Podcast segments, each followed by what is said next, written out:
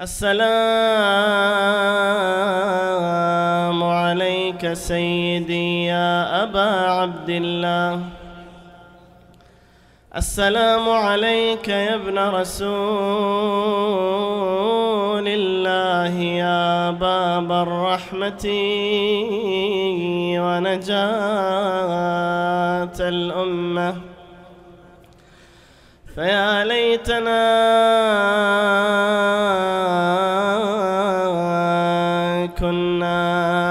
معكم فنفوز فوزا عظيما. كيف يصحو بما تقول اللواحي؟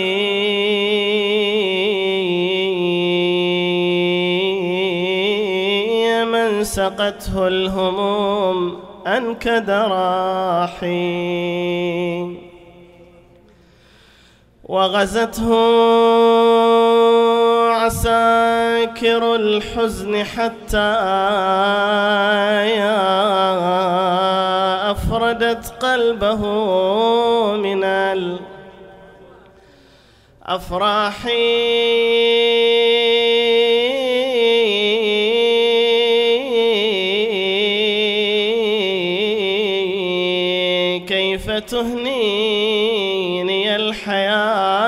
وقلبي. بعد قتل الطفوف دام الجراح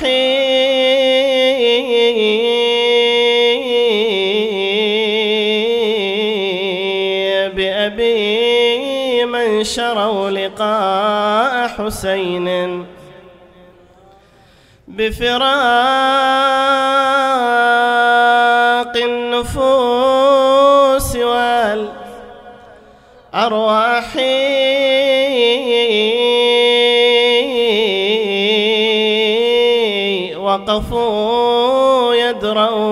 سمر العوالي.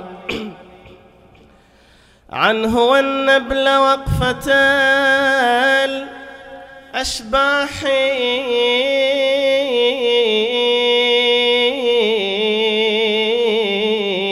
فوقوه بيض الظبا بالنحور البيض.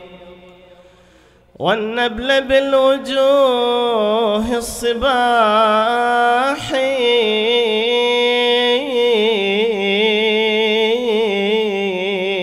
وإذا غنت السيوف وطافت أكأس الموت وانتشى كل صاحي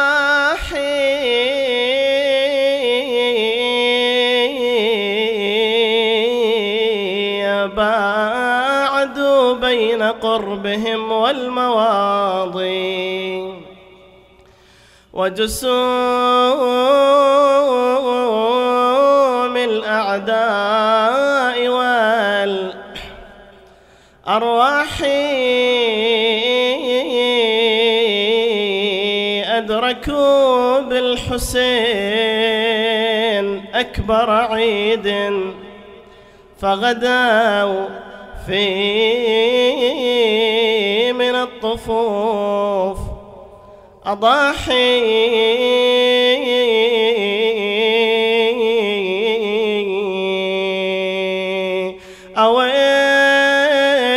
أويل قضوا حق عليهم دون الخيام ولا خلوا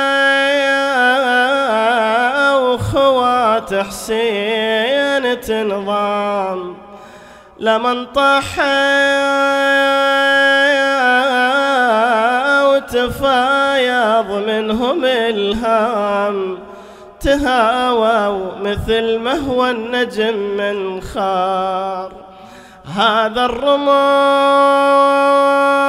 بفادة الثنى وهذا البيه للنشاب رنا وهذا الخيل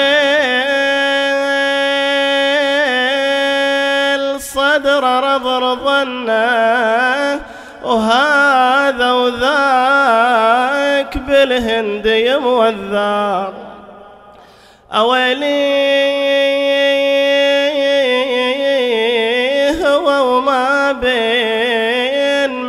قطع وريده وريده وقع رأسه بين الطارة يده وبين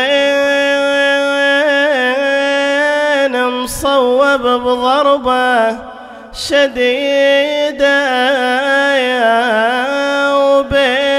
الصار لأن الشاب مكوار. أولي ركب غوجة وتعنى حسين ليها ولقاها بس جثث ومسل صب الدمع وتلهف عليها. وقال احتسب عند الله واصبر. لما رأى السبط أبطال الوفا قتلوا. نادى أبا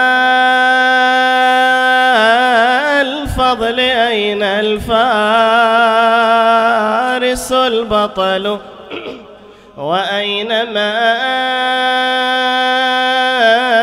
دنيا الأرواح قد بذلوا بالأمس كانوا معي واليوم قد رح وخلفوني بأرض الطاف حيران. ناديت حتى دمعتي بالخد سالة. وحدي محير والعدا يمي احتال مدري محبتكم عن المظلوم زالا. لو يا الأحبة اللي حجابكم غايل البين لمساعد الله بقيت وحدي بغير ساعد. سبعين ما ظل من السبعين. و وبقيت مفرد بين محتال وجاحد ما بينهم كالطير مكسور الجناح. ينصار ما من ذاب عن مهجة الزهر. لجساد قامت تضطرب من على الغبر. قال وفدالك ننذبح سبعين مرة. آمر علينا للحراب بنقوم يحسن. والله نادى الشهيد ومدمعه جامد بخده. أجركم الله الكل منكم بذل جهده. لكن يا صحبي أشتكي لله الوحدة. وبنار فرقاكم فؤاد شطر نصين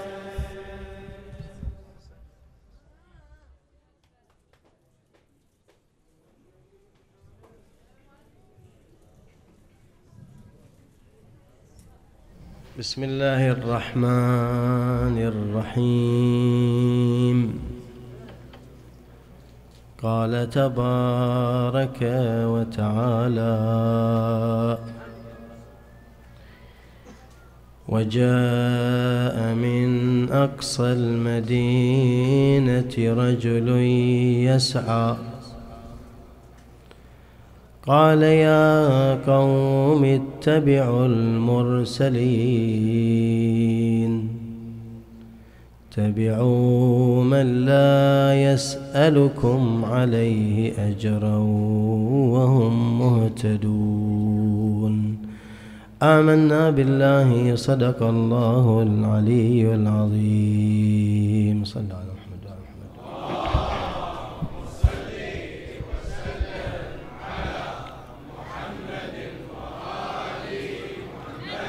الطيبين الطاهرين. سنطرح إن شاء الله تعالى في هذه الليلة المباركة ليلة الجمعة موضوع عن الرسالية أو كما سجل كيف تكون رساليا على ضوء نهج أهل البيت صلوات الله وسلامه عليهم أجمعين. وقبل أن أدخل في رحاب النص الشريف لا بد من بيان مقدمات يسيرة وسريعة أيضا ثم ندخل في النص القرآني الذي بدأت به الآن. وبعده سيكون هناك رواية جميلة وجليلة عن إمامنا الصادق عليه السلام. هي تشبه القصة يعني. ثم ختاما بنص عن أمير المؤمنين صلوات الله وسلامه عليه. أولا نقول إحنا رسالة. رسالة أمر يوصله يأخذه أولا فرد ويوصله من جهة يعني ويوصله إلى جهة أخرى. أخذ وعطاء. والله تبارك وتعالى جعل المرسلين فهم حلقة وصل منه جل وعلا إلى العباد يوصلون إليهم الخير. هذا بالمعنى العام. زين. النقطة الثانية أن هذه الرسالة هل هي محصورة في المرسلين والأئمة عليهم السلام أم أنها تتسع إلى أوسع من ذلك؟ سيتبين لنا إن شاء الله تعالى أن كل إنسان من المفروض أن يحمل رسالة الخير يأخذها أولا ثم يوصلها إلى الجهات الأخرى سواء كان هؤلاء أهله أو كان من الناس. والرسالة هذه أيضا قد تكون مكتوبة كما الرسائل العادية هذه يكتبها الإنسان يوصلها إلى آخر. أو تكون مشافهة. وقد تكون المشافهة أحيانا أقوى من الرسالة المكتوبة. ولذا أنت إذا عندك اهتمام أحيانا بدعوة إنسان لأمر ما أو لعزيمة أو لزواج أو غير ذلك لا تكتفي برسالة في الجوال أو رسالة مكتوبة وإنما تقصده وتذهب إليه وتدعوه بنفسك. تمام؟ أها. إذا هناك أكثر لنبين أنا من المقدمة أن هناك أكثر من طريقة وأكثر من شكل لإيصال هذا الخير. زين بعد باقي نقطتين. كذلك أيضا آه نحن نركز على هذا الموضوع بحيث لا تبقى هناك موانع. موانع. أنا قلت لك الآن. إذا تقول أنا والله وافقت أن أكون فعلا إنسان أحمل رسالة طيبة إلى الآخرين هذا الشيء جيد تمام؟ لكن لابد أن نعلم أن كل إنسان يوصل بحسبه. بحسبه ها؟ إنسان من بطريق العلم كالعلماء مثلا.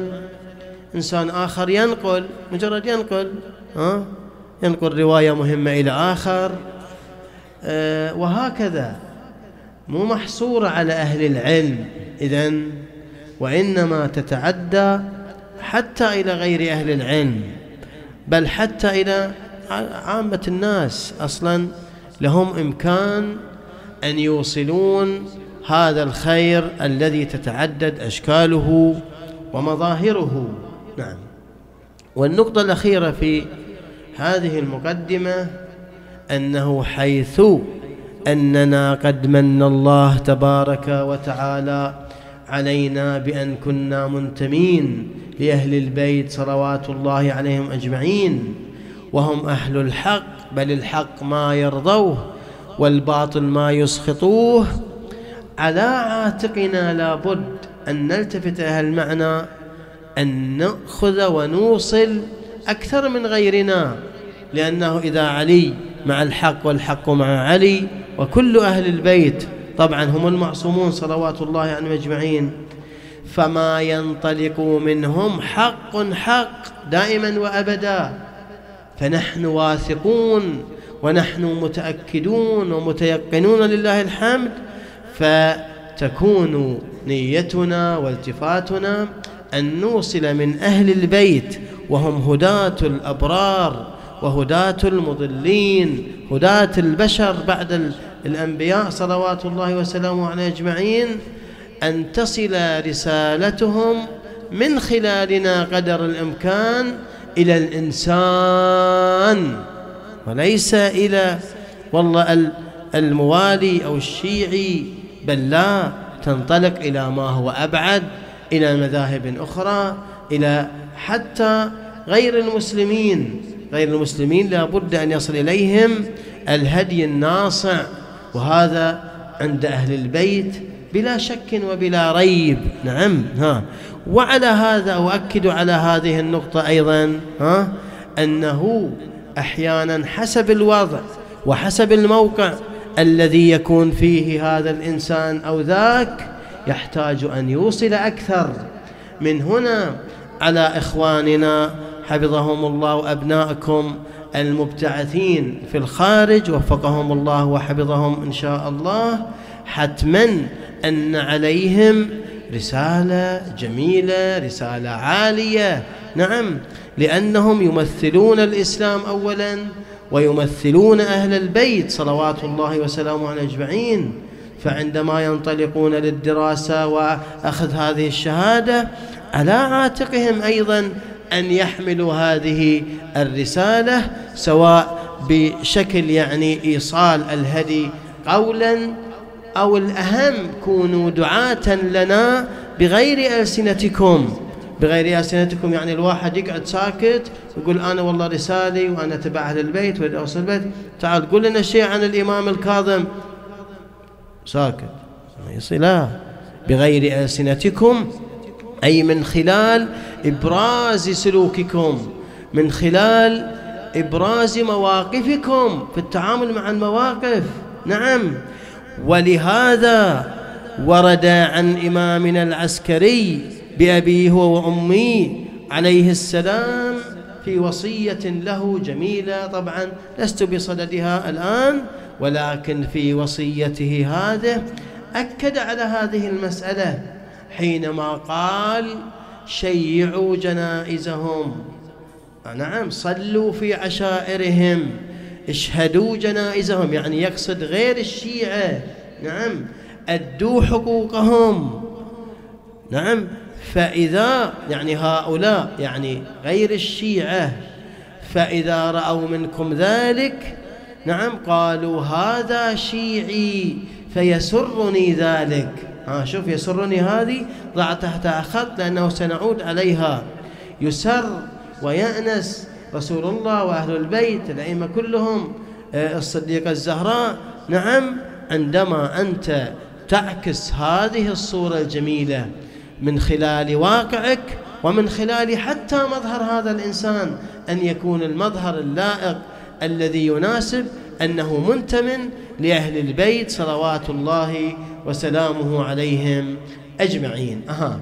إذا آه الله يوفق إن شاء الله كل الجميع لآداء مثل هذه الرسالة ونقلها ونقل هذا الهدي.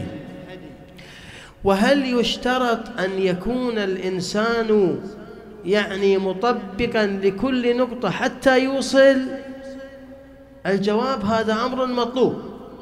مطلوب. لكنه لا. يعني هذا من الموانع. بعض من الناس لا يوصل شيء. لماذا؟ قال خليني أنا أول أطبق بعدين أوصل. ولا تطبق. طيب ما, ما توصل؟ لا. أنت أنت عندما أحيانا توصل شيء تقول أنا أقول ولا أطبق. لما تقولون ما لا تفعلون إن شاء الله أجل أطبق. بل أن النبي يحيى عليه السلام في يوم من الأيام رأى رجل هذا رجل يقام يراد أن يقام عليه الحد. كان زاني العياذ بالله. نعم. فالتفت النبي يحيى هذا درس فيه. التفت النبي يحيى عليه السلام إلى هذا الشخص. قال عظني يا زاني. مو يعني هذا يصير داعية حتى نفهم خطأ لا. لكن المقصد أن كل إنسان عنده جهة خير أو ينطلق منه الخير. ولهذا دقق معي في العبارة. عندما قال عظني يا زاني ماذا تتوقع من هذا الزاني؟ يقول الله يا نبي الله اختم القرآن كل يوم. يعني لو كان القرآن أو الكتاب المعين يا نبي الله عليك بالدعاء عشر ساعات في اليوم. هذا لو أنا وأنت راح نقول هالكلام حق النبي صح ولا لا؟ يقول والله أنت نبي وأنت عظيم وما أنا أوصيك لكن عليك بكذا مثلا. شوف ماذا قال هذا الإنسان. وشوف مصدر النفع الذي انطلق من هذا مع أنه مخطئ. قال يا نبي الله إياك والتعيير. الله. تعرف ليه؟ شوف هالكلمة. إحنا ما تخطر على بالنا. لأنه هو بارتكاب نستعيذ بالله. واقع في حرج. ربما أحد يعيره. أنت لماذا فعلت هذا؟ ويشعر بالأذية من ذلك. لذا صارت رسالته قال إياك والتعيير. هذه رسالة. وإيصال خير للآخرين هو يقوم به أيضا. إذا بعد هالمقدمات أعتقد أنه ننتهي من أنه لا أحد يقول أنا ما عندي نفع. هذا من الشيطان. لا أنا أهتم صحيح أحاول أوصل الخير لكن أنقل عن الله عن أهل البيت وبالتالي اختلاط الإنسان مع الآخرين إنما لهذا الغرض. إنما لهذا الغرض سواء كان المبتعثين أو لا حتى اللي هنا تختلط مع الآخرين. القرآن الكريم أكد على هذا المعنى في قوله تعالى في سورة التوبة وإن أحد من المشركين استجارك فأجره. لا تقول له أنت مشرك روح. هو استجارك. أنت تمثل الإسلام تمثل الخير. أنت عندك رسالة الآن يقول فأجره. يعني أجره لماذا؟ قال تبارك وتعالى حتى يسمع كلام الله. كل واحد لازم إذا إذا ما موجود عنده الفكرة أو هالنية من الآن يثبت النية؟ يقول يا رب فعلا أنا أنا الله أعطاني هذا الخير. أنا سأخذ من أهل البيت هذا النور وسأوصل إن شاء الله هذا النور. ها؟ بقدر ما أستطيع. هالنية هذه ستسبب توفيقات تتضح لك خلال بحثنا إن شاء الله تعالى بعد قليل. ها إذن إن شاء الله أننا أهل لذلك ونجتهد في ذلك. قلت وكل بحسبه ذاك بعلمه ذاك بتوجيهه تلك بأخلاقها تلك بمواقفها. والله سبحانه وتعالى يسير هذه الدفة الطيبة إن شاء الله تعالى. الآن يلا خلنا نثبت كلامنا من النصوص. النص الأول ما بدأنا به. هذا طبعا في سورة ياسين. وجاء رجل من أقصى المدينة وجاء من أقصى المدينة رجل يسعى. قال يا قوم شوف قاعد يؤدي رسالة هذا بعد. مو بس بسلوكه لا. قال يا قوم اتبعوا المرسلين. اتبعوا بدأ يعطي استدلالات وكلام. اتبعوا من لا يسألكم عليه أجرا وهم مهتدون.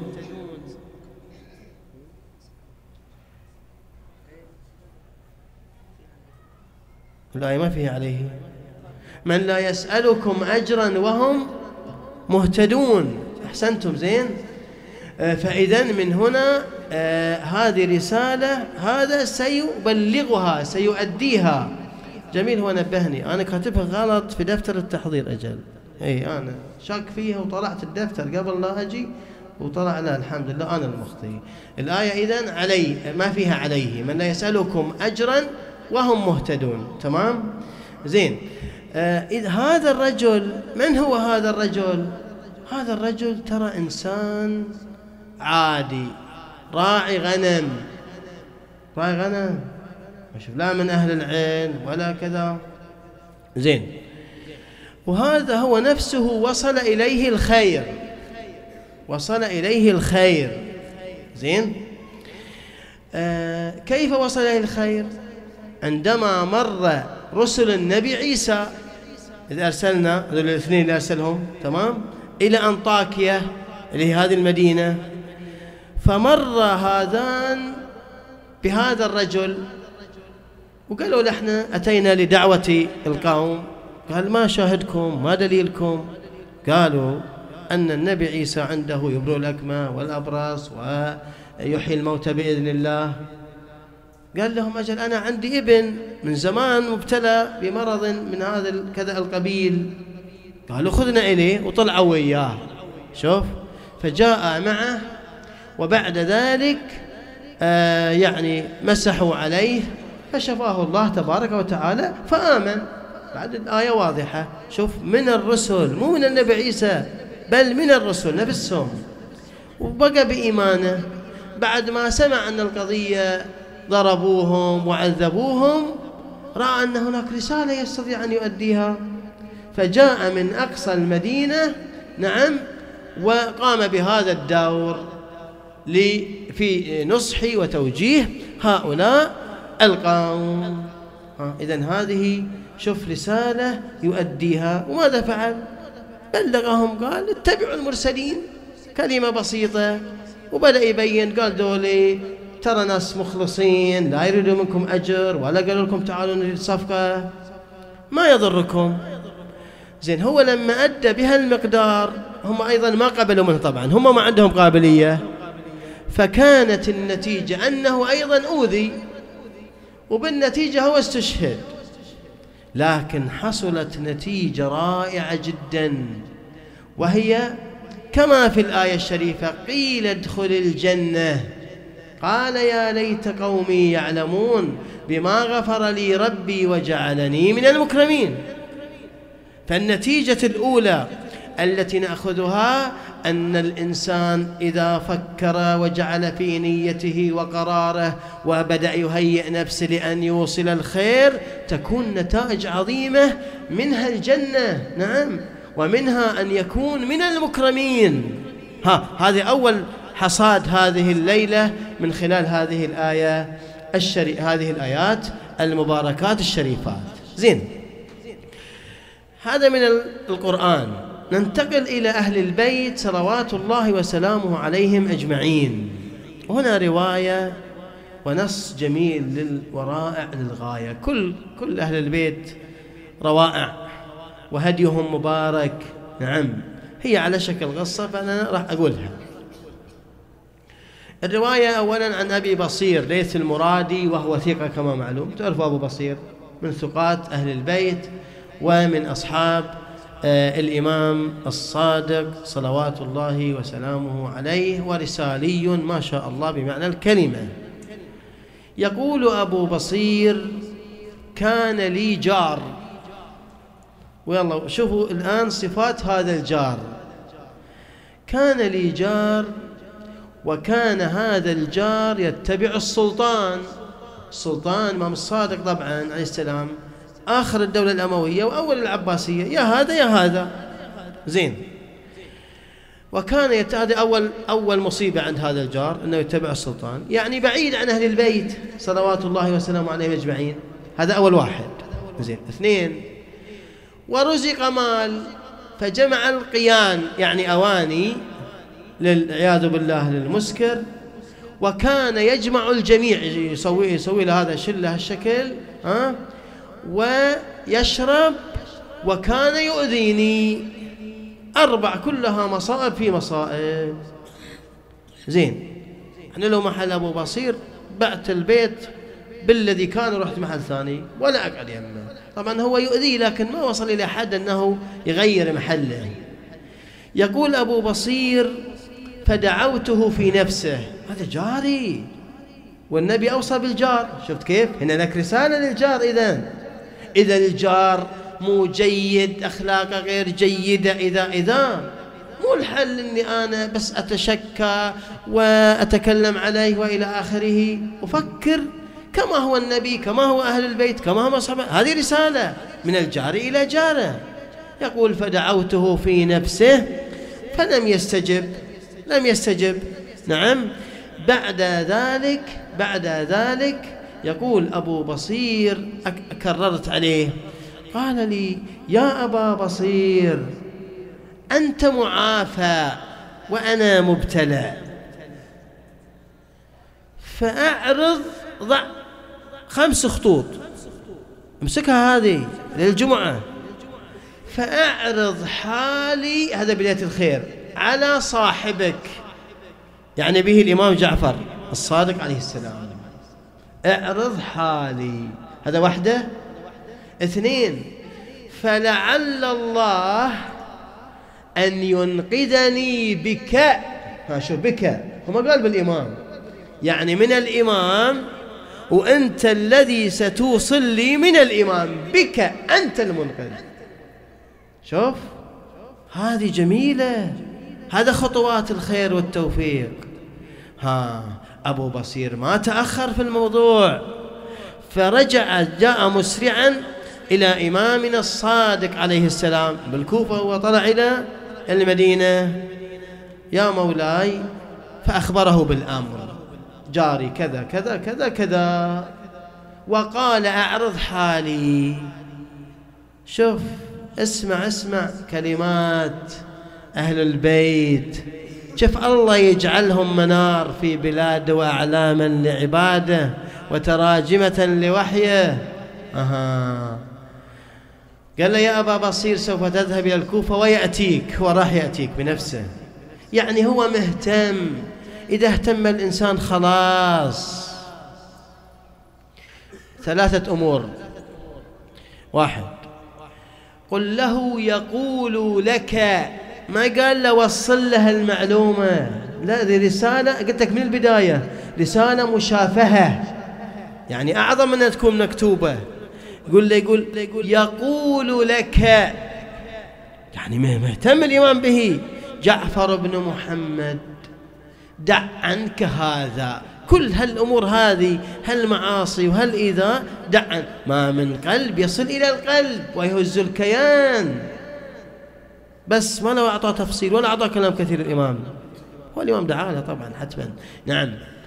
والثالثة ويضمن لك الجنة. هنا هنا. تجي بعد أفضح. طلع أبو بصير فرحان يوصل الخير إلى هذا الجار السيء اللي حتى مو تبع تبع للسلطان مو تبع أهل البيت. فجاء فعلا شوى قليل اللي جاء إليه. جلس عند أبي بصير انتظر ها ماذا حصل؟ قال له عرضت حالك على مولاي الإمام. فقال هكذا يقول لك يقول لك دع عنك هذا ويضمن لك الجنة. من السهول يصدق هذا؟ من السهول القلب هذا توصل له الشكل يعني مع ما يفعل؟ يقول قال قال صاحبك؟ مع ما أفعل قال صاحبك؟ يقول فحلفت له لأن لازم يتيقن. فحلفت له فبكى. قال حسبي بعد خلاص. وتغير ما شاء الله. ببركات أبي بصير. اسمع اسمع بعد. بهيئك الآن الشيء للجمعة أكد عليه الجمعة وانت عارف قصدي. يقول مرض بعد فترة فدعاني صرت أتي إليه أطببه أؤنسه أعالجه بما أتمكن. يقول أثناءنا عنده شوية كأنما قربت منيته. التفت إلي كذا شوية متعب ثم غشي عليه فأفاق. أها. قال يا أبا بصير ما عندك؟ قال لقد وفى لي صاحبك. تعرف معناها؟ قيل ادخل الجنة. مو في السيرة الإمام الحسين كشف لأصحابه الجنة ليلة عاشوراء؟ ها؟ أها. يقول وفى وقال له يضمن لك. طبعا في رأيين. في رأي أنه هذا اللي شاهده طبعا قبل. لكن على هذا الرواية هذه. على الرواية لقد وفى لي صاحبك. تأكد رأي آخر. وهو أنه كشفت له الجنة. قبل أن يموت. وصار متهلل ومستبشر. رأى الجنان. هكذا ورحل من الدنيا بعد أن كان بتلك الصورة كيف تحول برسالية أبي بصير إلى هذا الواقع. ها. الآن جميل. خلاص الرواية واضحة الحمد لله. والرسالة واضحة. أنا أقطع أجزم. يعني ربما أنه ما فينا واحد عنده المشاكل اللي أولا نحن موالين الحمد لله خلاص. ما فينا إن شاء الله واحد جاره ما فينا واحد مسكر. هذا بعيدين إن شاء الله عن هذه الأمور. عندنا أخطاء صحيح. عندنا تقصير صحيح. كل واحد يلا خلونا نتهيأ قبل نتسابع ها؟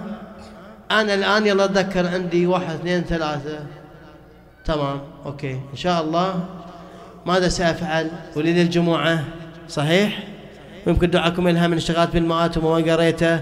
خلينا نعرض حالنا على مولانا الإمام الحجة. مو ليلة ليلته. صحيح؟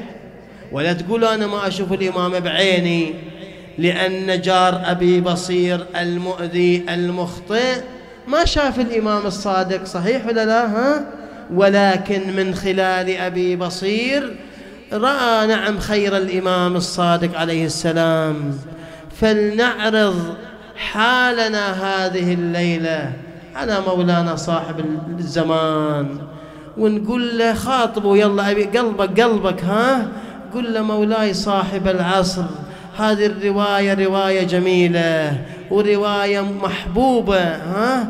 وجدك الإمام الصادق ذكر هذا الجار. وصار عنده مذكور بسبب أن أبا بسبب أن أبا بصير أوصل إليك. نحن أيضا نريد أن نكون مذكورين عندك. إحنا معترفين بأخطائنا وتقصيرنا تجاه ربنا وتجاهكم وكل خطأ نستغفر الله. خلاص هذا يقولها أستغفر الله ربي من كل ذنب وأتوب إليه. ما يصير؟ الإمام الصادق هذا الجار مع ما به بس قال اعرض حالي وصار مذكورا عندك وبشرته بالجنان إلى السعادة الدائمة. إحنا مو أقل من هذا الجار. يا رب تجعلنا مبشرين يا رب تجعلنا مبشرين. هذه الثمرة الآن هذه عاشوراء هذه الجمعة نعم. وهي رسالة إن شاء الله تعالى. نسأل الله يلحظنا بعنايته بإذنه تعالى. هذه الليلة هل المجلس كل المجالس؟ بس مثل ما قلنا نقرر أن نعرض حالنا ونطلب مع اليقين بالإمام عجل الله فرجه. نعم خلاص. آه بعدها هذا رحل أبو بصير جاء إلى الإمام الصادق عليه السلام. نعم. يقول طرقت الباب دخلت بعد ما دخلت قبل ما أدخل إلى داخل الدار رجل بالدهليز ورجل بالهذا الساحة وإذا بصوت من داخل الدار من الإمام الصادق يقول يا أبا بصير لقد وفينا لصاحبك. أنتم أهل لذلك. فعرفه الإجابة أريد أقول عرف بالإجابة. إن شاء الله أيضا نعرف بالإجابة.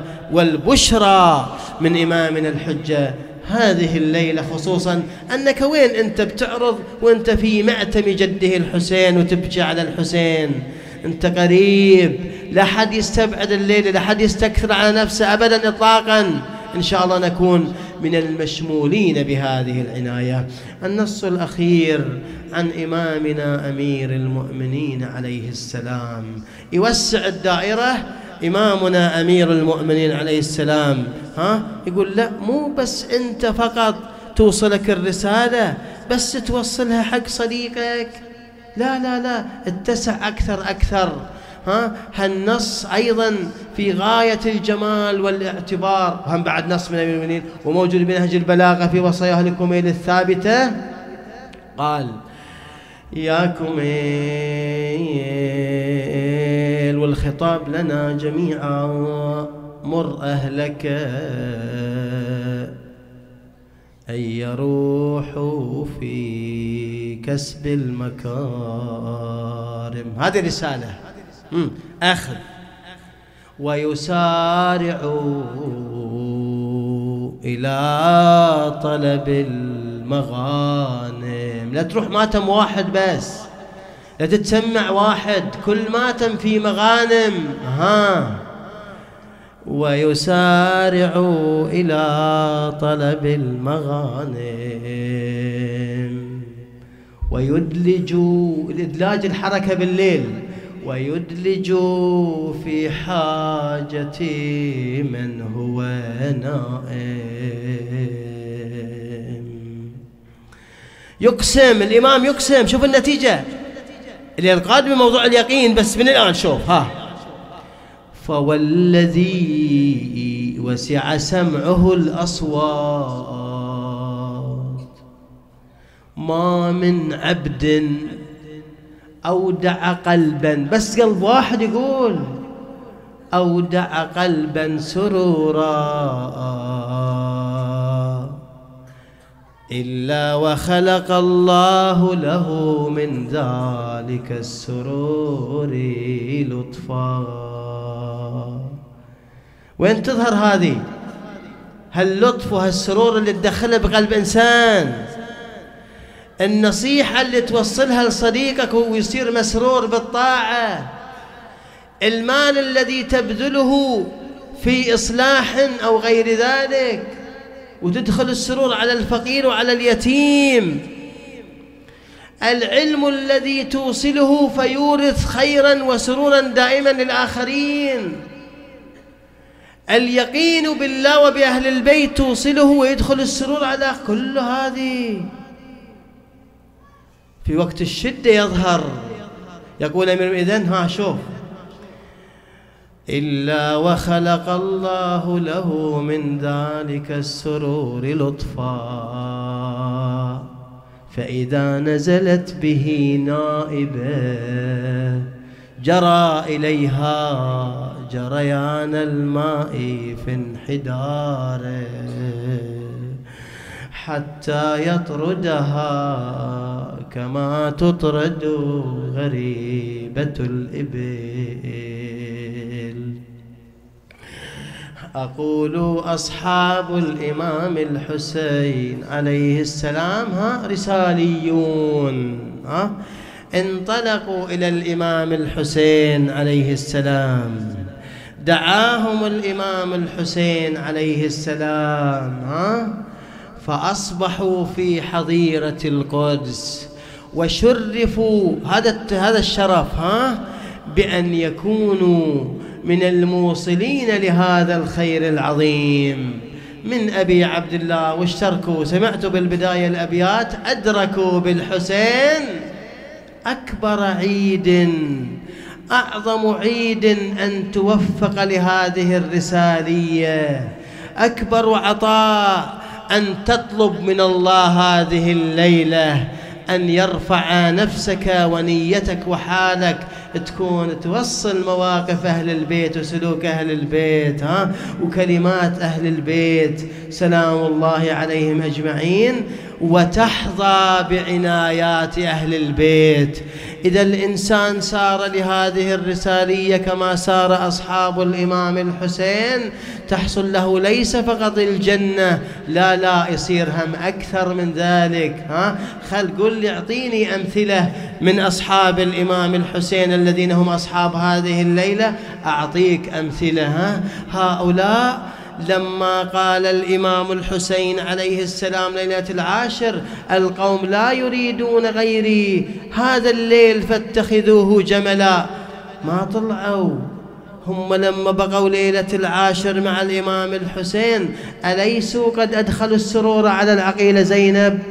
وعلى البنيات وعلى الإمام الحسين. أها أدخلوا السرور. لو راحوا ليلة العاشر والله قالوا خلاص هو مقتول مقتول الإمام. لا حزنت العقيلة. فأدخلوا السرور على قلب زين هذا قلب واحد وقلب الإمام الحسين وقلب كل الموجودين. كيف الله ما يعطيهم أجل بإدخال هذا السرور ها؟ لهذا ما تركهم الإمام الحسين. الله أكبر. يلا الآن روح إلى كربلاء وشوف هالنماذج وهيئ قلبك للبكاء. عليهم يستحقون حقيقة ها؟ ذاك ذاك جون جون عبد يا جماعة. يعني مو وظيفته أنه يؤدي رسالة التوحيد. كان يخدم الإمام الحسين لكنه أصبح رساليا بالإمام الحسين عليه السلام. يقول له خليني وياك في هذه الرسالة. تعطف علي أبا عبد الله. يقبله الإمام. ويسقط جون هذا العبد. نعم مولى أبي ذر بالمعركة. اسمعها زين. هذاك أبو بصير وصل لكن هنا الإمام الحسين بنفسه يصل إلى جون.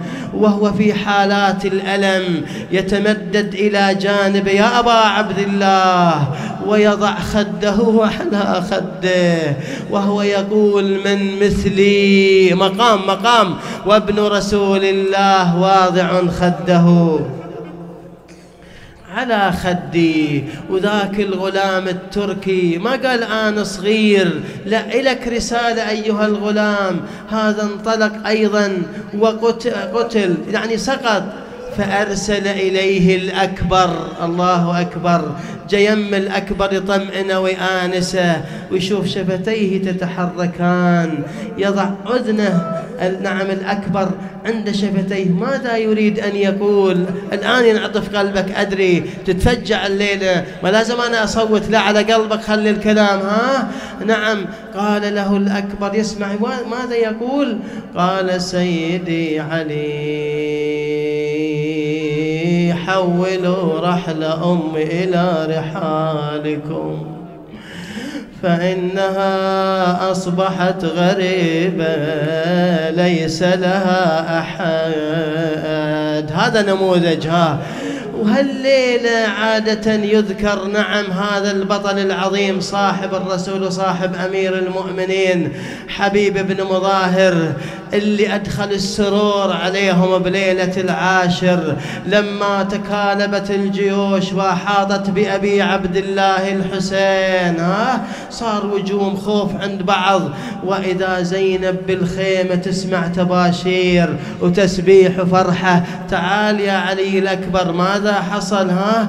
قال يا عم يا عم أقبل عمنا حبيب. الأنصار فرحانين وإحنا فرسانين صار قلبنا حبيب هذه الليلة. يلا يلا ها؟ ما حلا ذيك الشمايل يوم طبل. ما حلا ذيك الشمايل يوم طبل. على ما حلا ذيك الشمايل يوم طب طلع عباس النفل بولاد اخو يستقبل يستاهل. مرحبا يقل الشهيد وزينب تقل وقف مستبشر لأبو اليمه وتناول رايته جاه من زينب سلام ومدمع بالحال سالا قال من أنا من أنا حتى تسلم علي فخر المخدرات؟ ها. نعم نعم أنا أريد أن أطمئنها. ها. جاه من زينب سلام ومدمع بالحال سال. واقبل يسلم على الحورة وعلى ذيك العيال. يقلها يا وسفة يا زينب تركبن على الجمال. حيته بأحسن تحية وسر قلبها بنخوة عم يا حبيب. الله الله بنا يا محيين الليل بالعبادة. والله محلكم يا أهل الشيم هذا محلكم. للموت أدري ما تذخر هممكم شنو العذر يا كرام منكم. تخلون بالشد حرمكم وصار حبيب من ليلة العاشر. يا مؤمنين يا مؤمنات هذا راكع هذا ساجد. تعرف ماذا يفعل الحبيب كان يدور حول المخيم يحرسهم من ناحية ومن ناحية ثانية يلتقط الأشواك. من أمام المخيم شافوا أصحابه خلف المخيم هم يروح يلتقط الأشواط استغربوا بعد خلف المخيم. يا حبيب ماذا تفعل؟ لأنه مخبو مخبر من أمير المؤمنين. نعم من أصحاب البلايا والمنايا. قال غدا إذا هجمت الخيل يفر الأطفال. خلي أشيل الشوك بإيدي من أجل أطفال الحسين. الله أكبر. صار يوم العاشر فسقط في الحملة الأولى. صديق وحبيب مسلم بن عوسج في الحملة الأولى وانكسر ظهر الحسين لأن فيهم مسلم بن عوسج أيضا. له مقام. شوفوا شوفوا ها يلا لحظات الليلة الجمعة. وإن شاء الله نظم إمامنا الحجة بحق هؤلاء الأصحاب. جاء حبيب مع أبي عبد الله الحسين. عند مسلم يلتفت إليه. مسلم هل من وصية؟ يقول لولا أعلم أني في الأثر. لأحببت أن توصي. وإذا الله شوفوا الرسالة يقول بلى يا حبيب أوصيك بهذا وأشار إلى الإمام. يقول قربت يا بن ظاهر منيتي أنا ما وصيك بعيالي وبيتي. وإن كان نيتك مثل نيتي أريد أنك تجاهد سويتي. بالحسين وعياله وصيتي. فانطلق حبيبي إلى القوم وعظهم لم يتعظوا. قتل منهم مقتلة عظيمة. احتوشوا ناصر أبي عبد الله الحسين وصاحب الرسول وصاحب أمير المؤمنين. حتى ضرب برمح على ظهر وحبيب. وسيداه نعم قتل حبيب بن مظاهر. أنا ما أدري كيف حال العقيلة زينب لما وصلها الخبر. وعما ها بعد بعد ها. وأسألك الدعاء موقف يبين مقام حبيب بن مظاهر الأسدي بواب الحسين. ما هو هذا المقام؟ ها أنتم تعلمون عندما قتلوا واحتزت الرؤوس رفعوها على الرماح. حبيب ابتلاء شديد شديد. شلون يعني شديد؟ وقد أخبر من قبل أهل البيت بهذه النتيجة وهم الصادقون.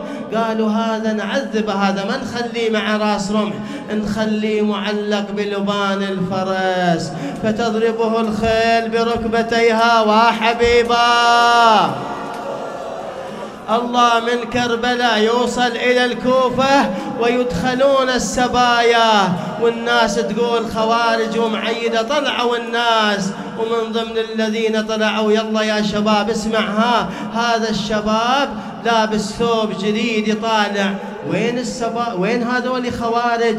ما هم مو عساكر هذول نساء ويتيمات مربطات. يا الله ورؤوس كلها نور مشرقة على رؤوس الرماح.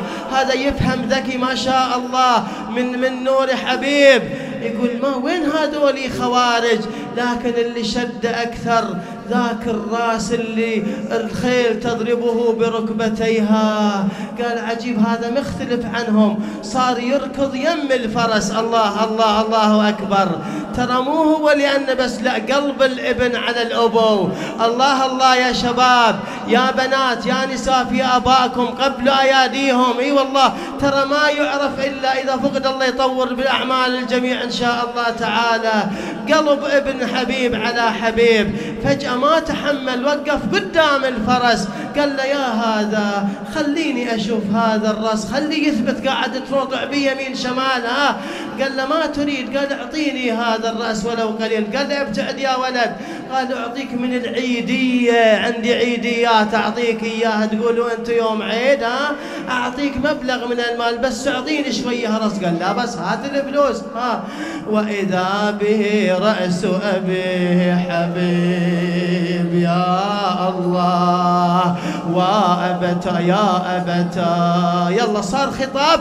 هذه الأبيات نرفعها لامامنا الحجه سلام الله عليه ونختم إن شاء الله تعالى بين حبيب وبين الرأس بلسان الحال. كلنا نشترك. يا يا بكل ما قلت لأمي وين والي قالت مسافر عسى الله يرجع عليه. يا يا بكل ما قلت لمي يرد سريع. قالت مسافر للتجارة يشتري وين؟ لازم يجي لك يا حبيبي بالشراء. والبيع بويا بويا. راسك قبالي والجسد يا ياب في وين نادى حبيب مدمعه في وجنته هامي مثل هالتجارة ما شفت في جملة أيام. سويت بعت وشريت بمهجتي في محبتي ما. كلنا يا نور العين فدوى حق أبو سكينة. قول كلنا يا نور فدوى حق آه يا ابني وإن كان يا ابن اليتم بيت الدعاء ما تقدر على حواه دار دير النظر ونظر يتامى حسين واطفاه وذاك الذي بوسط المحامل يسحب اغلام راسي قبالك والجسد يا ياب في وين أثار الأبو يا ناس.